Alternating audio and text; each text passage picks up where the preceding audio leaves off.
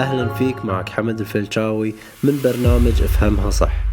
الحياة كلها خيارات والثراء هو من أكبر الاختبارات اللي راح تختبر مدى قوتك وصبرك وإلتزامك. الفقر ممكن يكون قدر لكن الثراء هو خيار.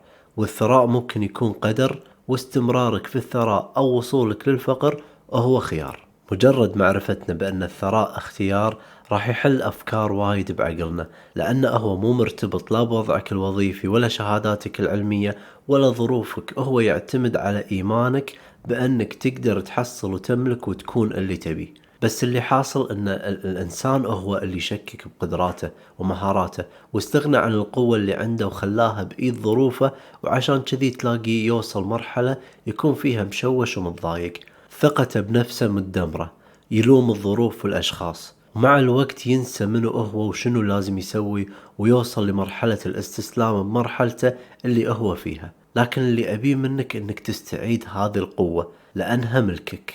وتبدأ بخطوة بسيطة لكن لها القدرة أنها تغير وضعك بالكامل. أول شيء أبيك تسويه أنك تفلتر أفكارك وتبدي تتخلص من الأفكار اللي ما تخدمك أو ما تخدم وصولك للثراء.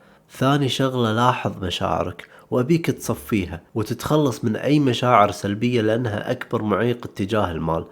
ثالث شي لاحظ تصرفاتك وادخل بالتزام بسلوكيات كل يوم تسويها. تكون كفيلة انها تخليك تمشي بخطوات اتجاه الهدف اللي أنت تبيه. الموضوع وايد بسيط. وتذكر إذا قدرت تلتزم راح تقدر تحقق أي شيء ثاني. وراح تعيش الحياة ثرية لأنك قدرت تستعيد قوتك اللي هي جزء أساسي من شخصيتك.